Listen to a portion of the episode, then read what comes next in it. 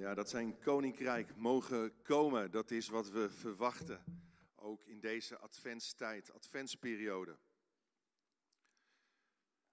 We zijn bezig met een serie over het thema pauze. Vorige week hebben we het gehad over pauze om te bezinnen. Vandaag gaan we het hebben over pauze om te verwachten.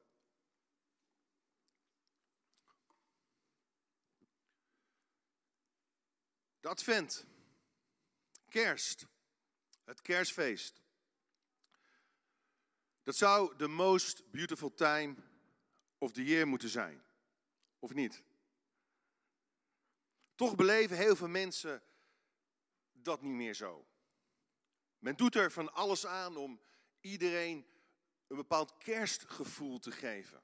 Of om mensen in de kerststemming te brengen. En als we eerlijk zijn, ruim voordat we Dag Sinterklaasje zingen, hebben we al lang Dag Sinterklaas gezegd. En hup, alles moet plaatsmaken voor de kerstman. Je hoeft de radio maar aan te zetten. En je wordt ja, bedolven met allerlei kerstliedjes. Het gaat vooral dan over romantiek. Het gaat over jingle bells. Het gaat over de rendieren van de kerstman. En ondertussen is er zoveel te doen. Is er zoveel te regelen, te shoppen. Deadlines op je werk die gehaald moeten worden. Nog even dit en nog even dat. En ondanks de pandemie ervaren mensen hectiek en, en drukte. Ook al werkt men veel thuis.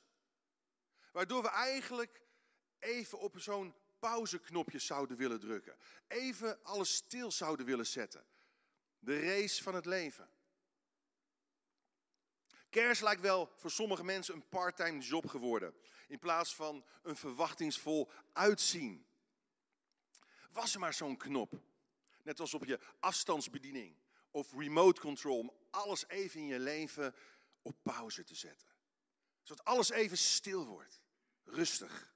Tot rust komt zodat je kunt genieten van de ware betekenis van Advent, van kerst. Thomas Kelly, hij zei het volgende: Ons leven wordt voor een groot gedeelte beheerst door een onverdraaglijke worsteling van kortsachtige rusteloosheid. Dus we hebben momenten van pauze nodig. Om de rusteloosheid onder controle te krijgen. Je wilt genieten van de gezellige sfeer, maar je wordt omringd door allerlei commerciële prikkels en geluiden. Je ziet de mooiste lichtversieringen in de tuinen, rondom de huizen, in de woonkamers van mensen. Lichtgevende kerstmannen, rendieren, zie je voorbij komen, pratende lantaarnpalen. En zodoende werd ik door mijn vrouw Angelique erop uitgestuurd om wat kerstverlichting aan te schaffen. Vooral rondom ons huis. Weet je van die ijspegels die je aan, aan de dakgoot ophangt. Ja, dus ik op zoek naar inspiratie. Want mijn vrouw heeft altijd hele hoge verwachtingen van mij. En de lat ligt heel erg hoog bij ons thuis. En toen hoorde ik over de Wielenpollen. Het meest gezellige dorpje van Nederland. Kerstdorpje dan. Laten we even kijken.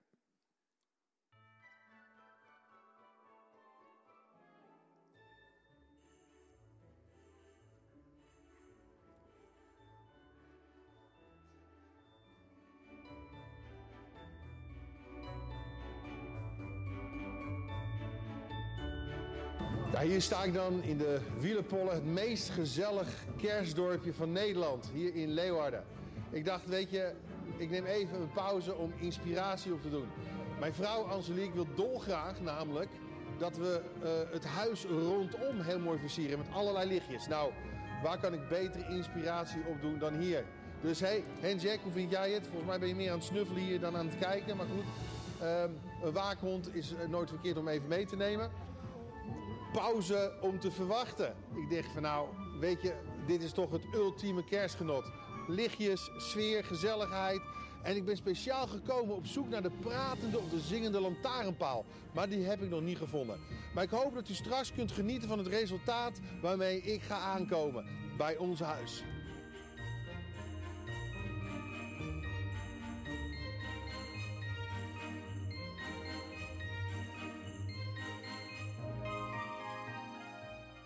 Oeps, dat was het dan.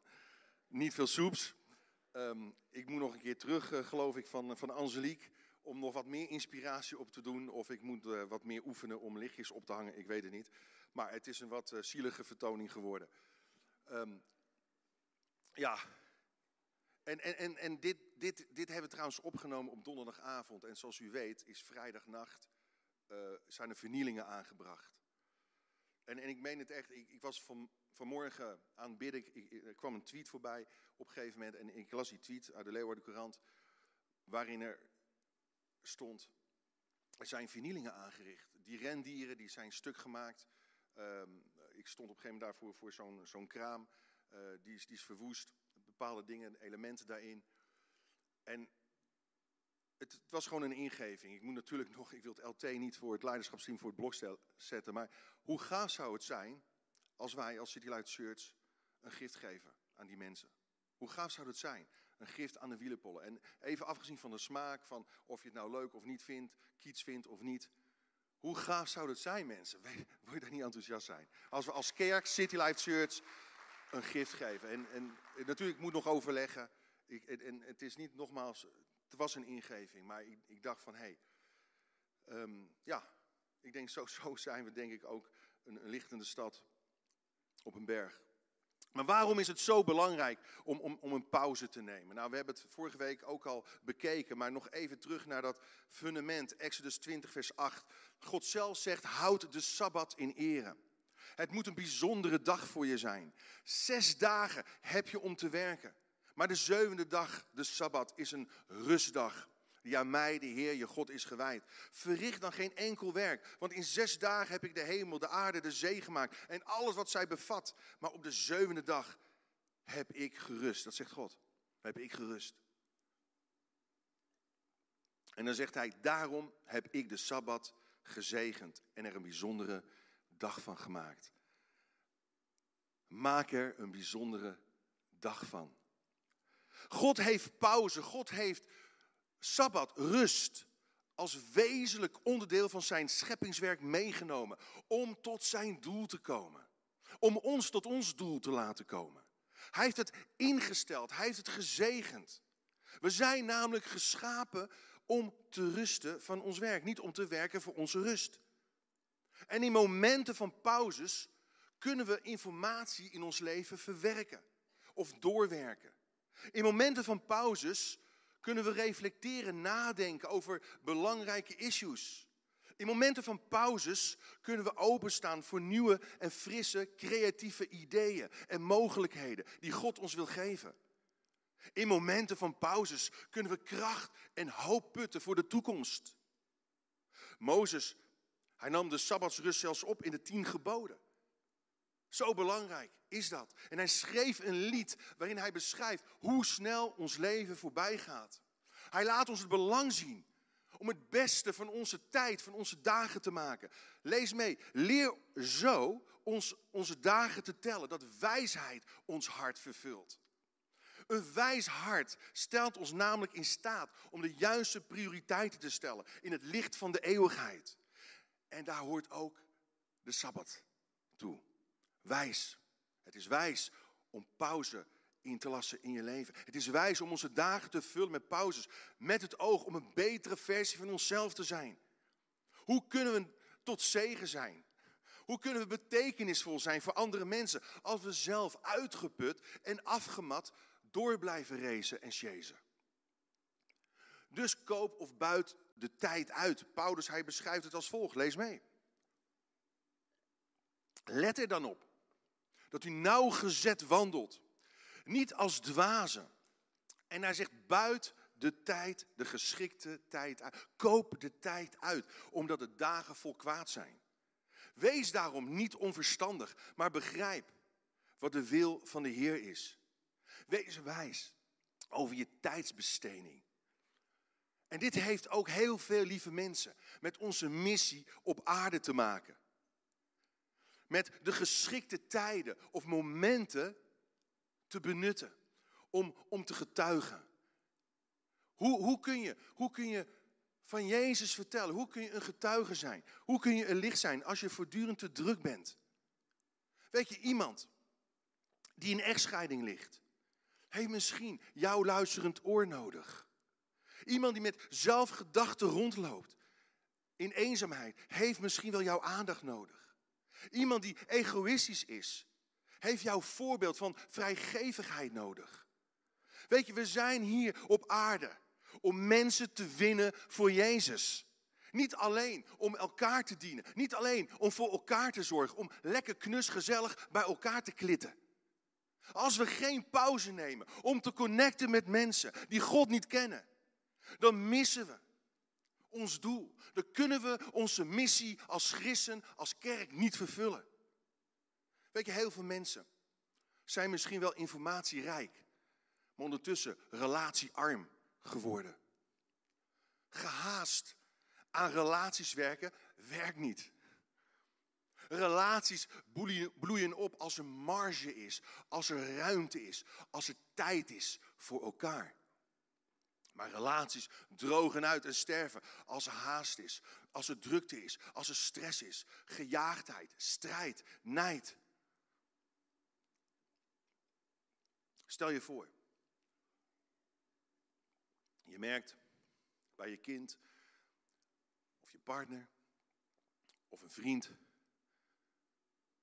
dat hem of haar iets dwars zit. En je zegt, zit iets dwars? Oké, vijf minuten de tijd. Vertel me wat er is. En na vijf minuten zeg je, de tijd is om. En je gaat weer verder. Dat werkt niet. Om echt te verbinden van hart tot hart moet je tijd maken voor mensen. Tijd voor elkaar. Tijd voor de ander. Afgelopen vrijdagavond hebben we bij ons thuis een, een wijnproeverij georganiseerd. En we hebben acht mensen uitgenodigd van de manege. Mensen die uh, nooit in de kerk komen. Paardenvolk. Leuk volk. Ik ben meer een, een, een hondenpersoon, een hondenmens. Maar mijn vrouw, zoals jullie weten, die, die houdt van paardrijden en dat soort zaken. En uh, nou, ze had op haar hart om, om, om, om ze een keer uit te nodigen. En, en, en, wat denk je? We hebben die wijnproeverij georganiseerd. Denk je echt dat we het alleen maar over wijn hebben gehad? Nee, natuurlijk niet. En, en luister, het doel is verbinden en, en verkondigen, niet bekeren. Weet je dat wij niet zijn geroepen om mensen te bekeren? We zijn wel geroepen om te verkondigen en te verbinden met mensen. Dat is heel wat anders. Maar weet je, dat zou eigenlijk voor iedereen hartstikke leuk moeten zijn. Als je, als je bij jezelf blijft. Jezus zei namelijk, en ik merk namelijk dat voor heel veel mensen het heel moeilijk is om te verbinden, te connecten, voor christenen althans, met mensen die niet christen zijn. Op een goede manier, op een leuke manier, op een ontspannen manier. En ik weet niet wat voor beeld we allemaal hebben bij het woordje missie, evangelisatie, maar ik denk dat we een heel verkeerd beeld hebben ontwikkeld in de kerk. Helaas. Maar het zou leuk, het zou gaaf moeten zijn, want Jezus zei, jullie zijn het licht van deze aarde. Jullie zijn het zout van deze aarde. Niet je moet het nog gaan worden, niet je moet er iets voor gaan doen. Het, het zou je totaal geen inspanning of energie hoeven te kosten. En natuurlijk, je hebt mensen met de gave van, van evangeliseren. Maar ik geloof dat we allemaal geroepen zijn en een opdracht hebben. Een missie hebben hier op aarde om getuige te zijn, om licht te zijn. Weet je, het zou je energie moeten geven. Energie moeten geven in plaats van nemen. Want het licht en het zout zit in je. Het enige wat je hoeft te doen is gebruik te maken van geschikte momenten. Dus wij dachten een wijnproeverij. Ja. En natuurlijk heb ik van de gelegenheid gebruik gemaakt. Om te vertellen wie God is. En ik legde aan het eind van de avond uit dat het evangelie van Johannes begint met het woord werd vlees. Het, woord werd mens. God werd concreet. God werd tastbaar. Heeft onder ons gewoond. Alleen meteen in hoofdstuk 2 van Johannes staat er het eerste wonder beschreven. Dus ik heb de Bijbel gewoon geopend aan het eind van die wijnproeverij. Ik zei, ik ga even wat, wat lezen. En, en uh, ik wil iets vertellen over dat eerste wonder. Waar ging dat eerste wonder over? De Bijbelkenners die weten dat. 600 liter water veranderde Jezus in wijn.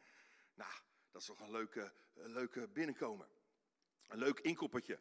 En, en hij deed het ook nog aan het eind van de bruiloft. En de beste wijn werd voor het laatst bewaard. Zelfs de ceremoniemeester die was helemaal verbaasd. Want meestal dan, dan geven ze de wat slechtere wijn op het laatst. En, en wat, wat lees je als resultaat? En ik heb het voorgelezen. Hij toonde zo zijn grootheid en zijn leerlingen geloofden in hem. Dus ik zei gekscherend, hey, weet je als, je, als je nog niet gelooft in Jezus, geen probleem. Maar dat ga je aan het eind van deze avond doen. Want dat heb ik namelijk ook gedaan. De beste wijn voor het laatst bewaard. Nou, natuurlijk, iedereen begon spontaan te lachen. Maar wat een vragen kwamen er los. En het was zo leuk. Dat is zo gaaf. Hoe zit dit? Hoe zit dat? Gewoon, spontaan, oprecht, geïnteresseerd. En weet je, zoveel dingen zijn voor ons vanzelfsprekend. Maar je krijgt ook vragen van, joh, als ik naar jullie kerstdienst wil, moet ik daarvoor dan gaan betalen? Nee, natuurlijk niet. En, en hoe moet ik mij kleden? Wat moet ik aantrekken? Gewoon wat je nu aan hebt. Oh, maar hoe zit het dan met die Bijbel? En, en het gaat maar door en door. En weet je, die wijnproeverij veranderde in een aanbiddingsconcert. Geloof me. Angelique op de piano of, of op, de, op de gitaar. Esther ging zingen tijdens een jeugdweekend. Ik, ik ken het hele nummer niet eens. Normaal gesproken ken ik de meeste nummers van Hillsong, maar was een, nummer van Hillsong, Touch of Heaven. Ze ging Touch of Heaven zingen. En aan het eind van die avond, het was heel laat, twee uur s'nachts of zo, het was een laat avondje. En weet je wat ze zeiden? Het mooiste van de avond was dat liedje. Touch of Heaven. Gewoon spontaan. Gewoon spontaan. Het hoeft niet zo moeilijk te zijn, lieve mensen. Ook voor de kerstnachtdienst. Ik daag je uit. Zoek connectie. Niet om te bekeren, maar om te verbinden. Om te verkondigen. Om dat licht te laten schijnen door jou heen. Weet je, als we alleen maar bezig zijn. En het is heel gevaarlijk wat ik nu zeg. Want ik wil heel graag dat 100% van onze gemeenteleden volop actief zijn in de kerk. Ja, anders zou ik geen goede voorganger zijn, toch? Maar één ding. Als we alleen maar bezig zijn met onze dingetjes. Ons kent ons. Met werk in de kerk. En we spreken amper af met onze vrienden, met onze collega's, met onze kennissen, die God niet kennen. Dan missen we de plank. Echt, geloof me. Dan verzuipen we in de bubbel van ons religieus subcultuurtje. In de talen Kanaans. Heel fijn. Diepgang, diepgang. En we vergeten de wereld om ons heen te bereiken. Laat dat licht in en door jou heen schijnen, want het licht zit in je. En doe het op jouw manier. Je hoeft geen wijnproeverij. Misschien moet je iets anders doen. Misschien kun je iets anders doen. Oh, er zijn het kleine dingetjes. God heeft pauze, sabbat, rust ingesteld als middel voor ons. Om tot aanbidding te komen. En om ruimte te maken voor zijn woord in ons hart en voor de mensen om ons heen. Weet je, een ander woord voor pauze is het Hebreeuwse woord Sela. Jullie kennen dat wel. Het woord Sela komt 71 keer in de psalmen voor. Het Hebreeuwse werkwoord Sela betekent letterlijk opheffen, verhogen. Sela is een teken van pauze. Het is een muzikale onderbreking. Het is een, een markering van een rustpunt voor de zang. Je kunt als volgt definiëren, lees mee. De Sela is een meditatief rustpunt of tussenspel. Rustmomenten in een lied om na te denken wat gezongen wordt. En de ziel kan vasthouden wat de Heilige Geest aangeeft en aanbiedt. Sela. Pauze. Weet je, bijbelse meditatie is niets anders dan het woord van God overdenken. Het woord van God herkauwen. Neem de tijd, neem de pauze om het woord van God te herkauwen, te bezingen, te beleiden. Want het is de tong van de ziel en de taal van onze geest. De psalmen dat zijn, dat zijn letterlijk gewoon gebeden die bezongen worden. Maarten Luther, hij zei niet voor niets in die context dat hij die zingt, bidt dubbel zoveel. Het woordje sela, pauze, geeft ruimte om na te denken over wat je gezongen hebt. En door herhaling van bijvoorbeeld een refrein worden we steeds dieper en verder in, in het lied ondergedompeld. En kunnen de woorden, de gedachten van God zich nestelen in ons hart. En kunnen we die woorden bewaren in ons hart. Laat het woord van Christus rijkelijk in uw hart wonen, zegt Paulus. Een voorbeeld. Psalm 39, vers 6. Zo werkt het. Er staat, u maakte mijn dagen een handbreed lang. Een handbreed, dat is niet echt lang. Mijn levensuur is niets in uw ogen. Niet meer dan lucht is het bestaan van de mens. En dan staat er dit. Sela. Oh, wacht even. Wat heb ik, wat, heb ik gezongen? Wat, oh ja, u maakte mijn dagen een handbreed lang. Oké. Mijn levensuur is niets in uw ogen. Herhaal het nog een keer. Herkauw het. Sela. Heer, wat, wat, wilt, wat wilt u tot mij zeggen hierdoor? En, en dan gaat het verder. Het gaat verder. Niet meer dan een schaduw zijn levenspad. Niet meer dan lucht wat hij rusteloos najaagt. Hij vergaart en weet niet wie het toevalt. Sela. Sela. We gaan kijken, lieve mensen. Naar drie hoofdpersonages in het kerstverhaal die pauze nemen om te kunnen reflecteren, om te kunnen overwegen en om te kunnen verbinden. Allereerst, Maria, lees mee. Zij pauzeerde om verwachtingsvol te kunnen reflecteren over Gods grootheid. Zo belangrijk. En we lezen in het Evangelie van Matthäus het volgende. De afkomst van Jezus Christus was al volgt. Toen zijn moeder Maria al was uitgehuwelijkt aan Jozef, maar nog niet bij hem woonde, bleek ze zwanger te zijn door de Heilige Geest. En ze kon zwanger raken van de Heilige Geest, omdat ze open stond voor Gods genade, voor Gods wonderen. De engel noemde hij begenadigde. De afkomst van Jezus Christus was als volgt, zegt Matthäus, heel eenvoudig. Maar dat betekent dat ze open stond voor Gods wonden. Ze stond open voor Gods woord. Nadat de engel Gabriel tegen haar had gezegd dat de kracht van de Allerhoogste haar als een schaduw zou overdekken, reageerde ze vol overgave. En dat kun je lezen in Lucas, hoofdstuk 2. De Heer wil ik dienen, zei ze. Laat het met mij gebeuren wat u hebt gezegd. En toen Jezus geboren was en de herders kwamen vertellen dat er een groot hemels leger God aan het prijzen was.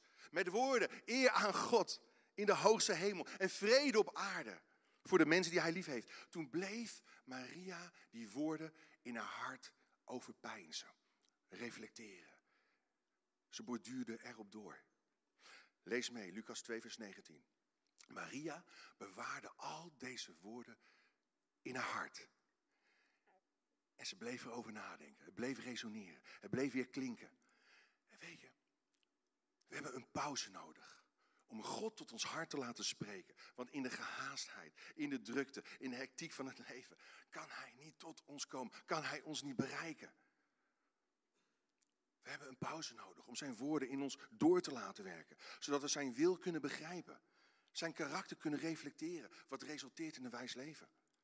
Lees mee, we hebben vele cela's of pauzemomenten nodig in het ritme van ons leven. Want zij brengen melodieuze diepte. Ze brengen relief en schoonheid in ons levenslied. En we hebben allemaal een levenslied. Jouw leven is een levenslied. En door de pauzes erin te brengen, komt een melodieuze diepte in jouw levenslied.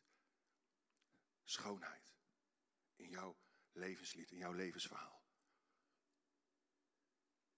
De pauzes, lieve mensen, maken de melodie. De pauzes, lieve mensen, scheppen de ruimte om ons mee te nemen, mee te slepen in de gedachten van God, in de plannen van God voor ons. Weet je, toen ik een kind van zeven jaar was, moest ik op muziekles. En daarna op pianoles. En ehm, mijn, mijn vader is, is een, hij leeft nog steeds, is 88 jaar, is een zeer begaafd man. Hij is zeer getalenteerd. Hij is zeer muzikaal. Mensen, de wat ouderen onder ons die hem nog kennen, die weten dat. Mijn vader kan uh, viool spelen, hij kan trompet spelen, hij kan gitaar spelen, hij kan piano spelen. En hij heeft geen muziekles gehad. Gewoon op zijn gehoor, hij, hij, hoort iets en hij kan het spelen. Dus de verwachtingen waren bij ons thuis op dat punt, op dat gebied, best wel hoog. En um, en, ja, ik ben heel eerlijk, ik had zo'n hekel aan, aan muziekles maar, en pianoles. Maar iedereen van, al mijn zussen, uh, die speelden piano. Mijn oudste zus kon zelfs heel goed piano spelen. Bach en, en, en uh, Mozart en ik weet niet wat allemaal. Maar toch ben ik dankbaar dat ik dat heb gedaan. Dat ik, ik, ik heb ook in de, de, de blokfluitband gezeten, wist je dat? Gaaf hè? ja, ja. Maar ik, ik, had, ik had het talent niet. Dus ik heb, ik heb ook piano gespeeld, ik heb gitaar gespeeld, banjo gespeeld of ukulele, weet ik wel, dat, dat kleine gekke dingetje. En, um, nou goed, ik ben ermee gestopt, want ik, ik vond, ik had dat talent gewoon niet. En, en, maar ik geniet van muziek nu. Ik geniet ervan. Ik geniet van onze teams trouwens. Ik geniet van onze mensen. Ook de techniek, alles wat bijdraagt tot het produceren van die mooie klanken. En ik geniet ervan. Maar weet je, ik ontdekte iets belangrijks. Ik ontdekte dat de pauzes iets moois konden maken van muziekstukken. Dat de pauzemomenten, de intermezzo's, juist de diepte en melodie creëerden. En, en mag ik een, een stukje piano gaan spelen? Ja, bent hoop ik nog niet verleerd. Zo. Uh, oren dicht? Nee. Even zien. Hoe ging dat ook weer? Oh ja. Ja, ik, uh, ik moest, eigenlijk moest dat met twee handen, eindeloos van die toonladders oefenen. Toonladders. Ik denk, wat, wat een saaie... Mag je iets harder?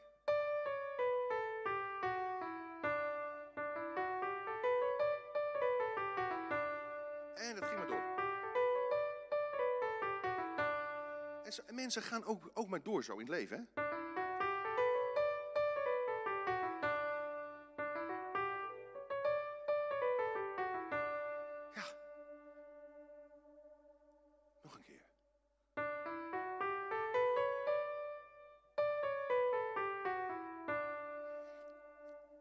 Totdat de muziekleraar zei, maar wacht even, je kunt ook zo doen.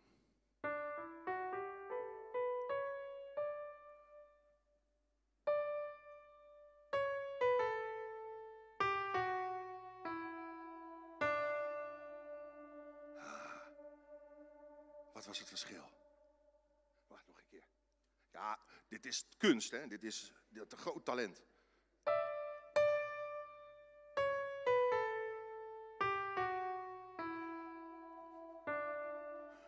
Joy to the world, the King has come. Let heaven and nature sing. Oh, la, la, la, ja, je, je, je pakt hem. Je pakt hem. Maria pauzeerde om te kunnen reflecteren over Gods grootheid. Ze overpijnst wat God gezegd heeft. En uit de overvloed daarvan ontstaat er een mega lofprijs. Let op, lees mee. Daarop zei Maria, met heel mijn hart roem ik de Heer. Eh, eh, de grondtekst, daar, daar zit het woordje mega in. Er ontstaat, ik maak hem groot. Ik, ik, ik vergroot de Heer. Met al mijn adem juich ik om God mijn redder. Want hij heeft omgezien naar zijn dienares in haar geringheid. En dan zegt ze, voortaan prijzen alle generaties mij gelukkig. Want grote dingen heeft de machtige met mij gedaan. Heilig is zijn naam, barmhartig is hij. Iedere generatie weer voor wie hem eerbiedigen. Zullen gaan staan. Doe maar jongens. Ja, ik wil, ik wil nu, iedereen die, die wacht met smacht nu op jullie. Hè? Want uh, mijn muzikale kunsten die, uh, die zijn wat uh, vervaagd. Maar we gaan met elkaar zingen. Beautiful name. Beautiful name. Machtige dingen heeft God met mij gedaan. Heilig is zijn naam. Heilig. Beautiful. Prachtig. Machtig is zijn naam.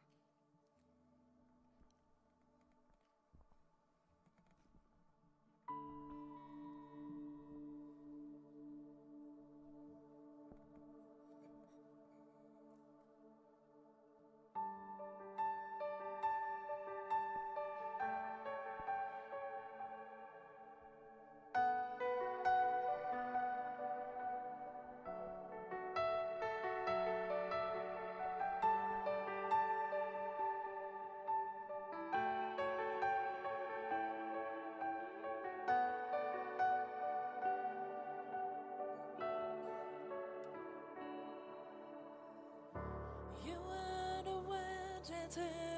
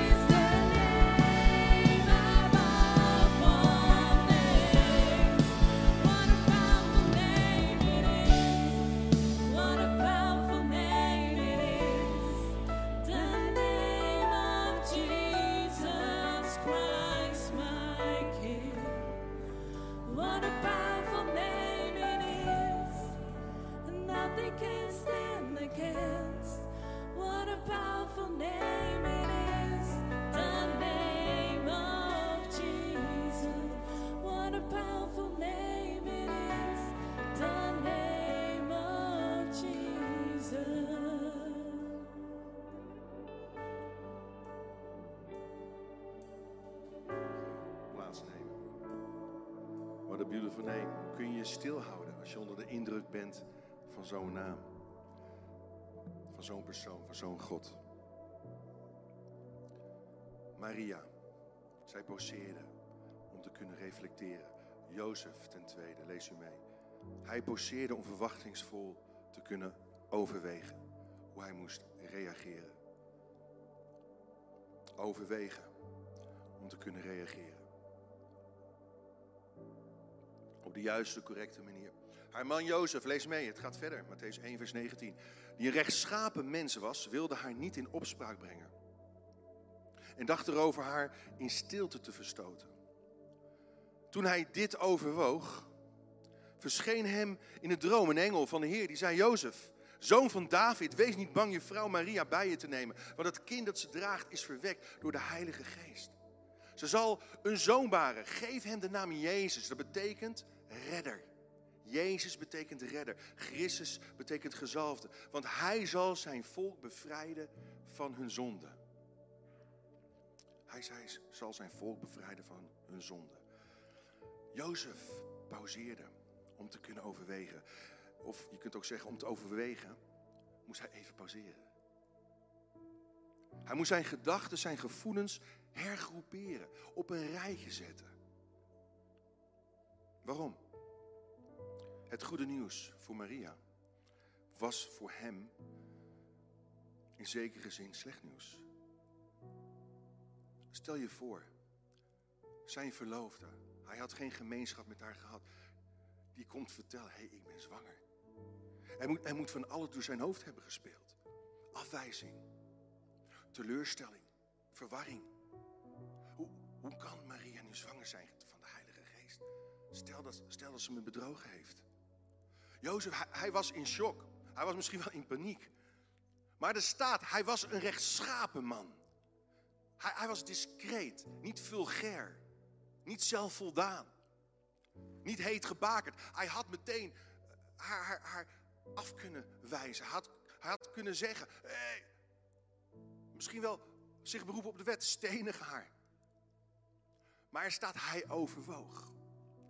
Zorgvuldig, doordacht. Hij wilde haar niet te schande zetten, haar niet in opspraak brengen. Hij maakte ruimte door te pauzeren, waardoor God zich kon openbaren in een droom. Pauzeer voordat je reageert.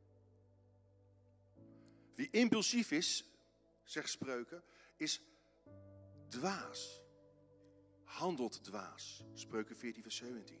Een andere spreuk staat, spreuken 12, vers 16. Een verstandig mens, lees mee, gaat met beleid te werk.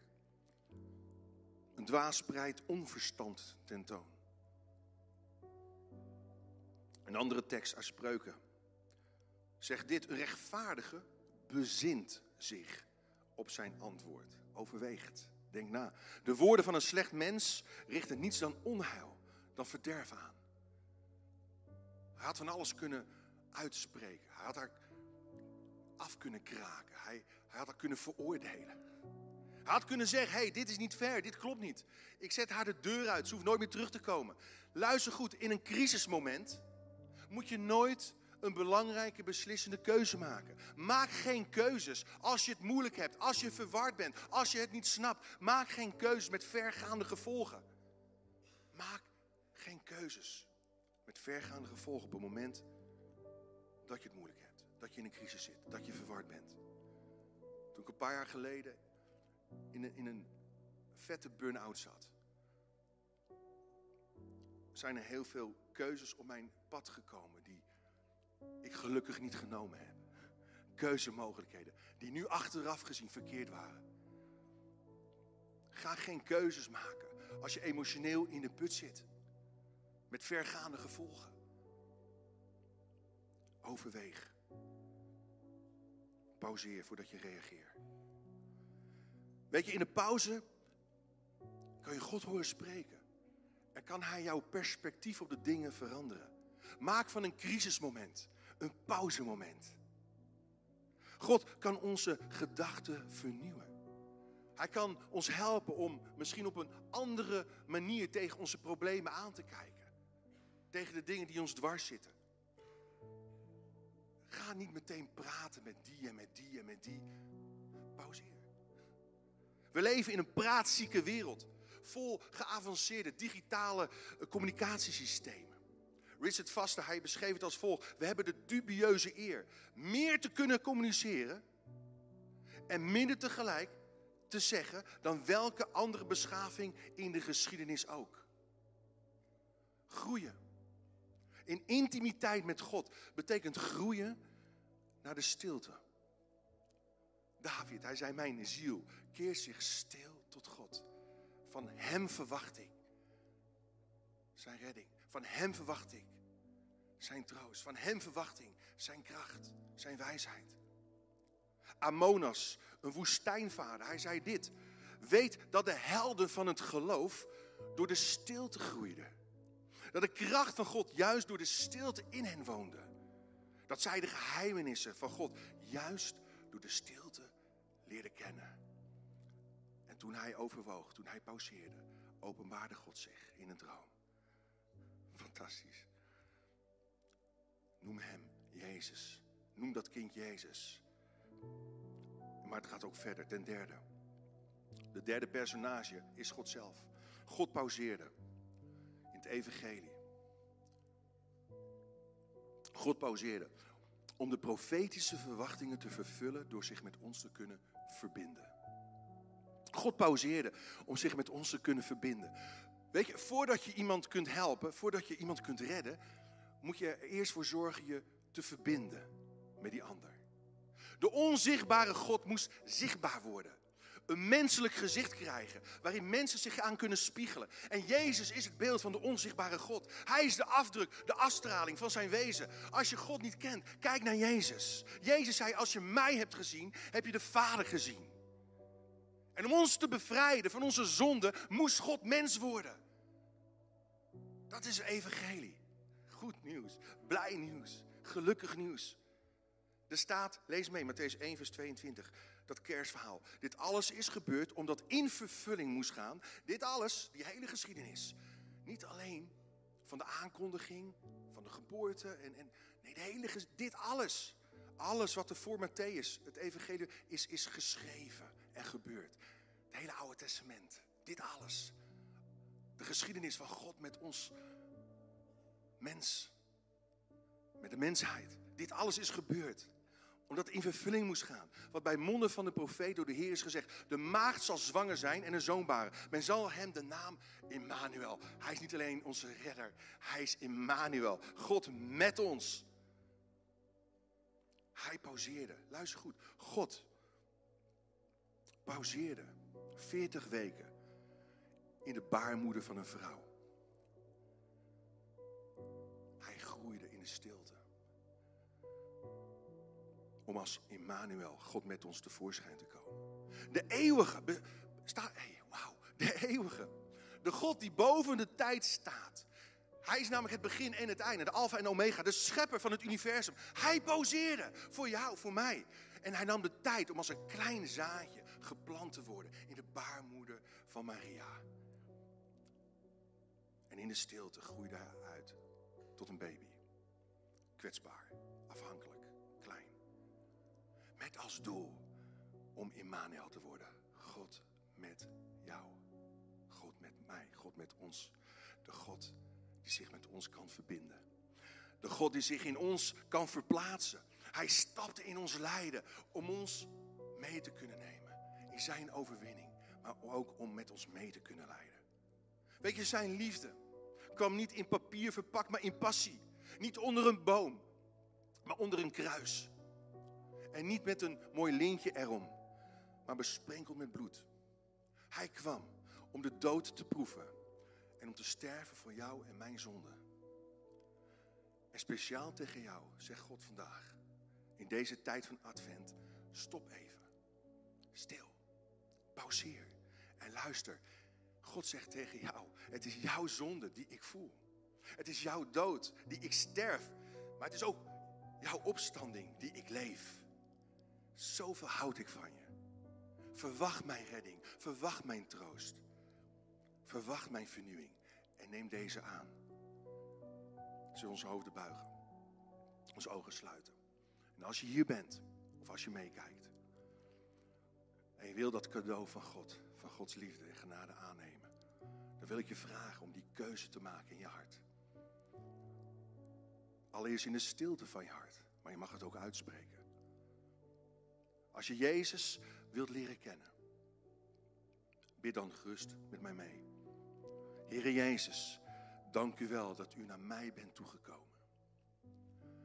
Dank u wel dat u voor mij kwetsbaar bent geworden. Dank u wel. U als de machtige, de schepper van hemel en aarde, bent afhankelijk geworden. Om zich met mij te kunnen verbinden. Heer, ik neem u aan. Vergeef mijn zonde. Zeg het maar, vergeef mijn zonde. En kom in mijn leven met uw stralende heerlijkheid. In Jezus' naam. En misschien ben je al heel lang gelovig. Misschien wandel je al heel lang met God.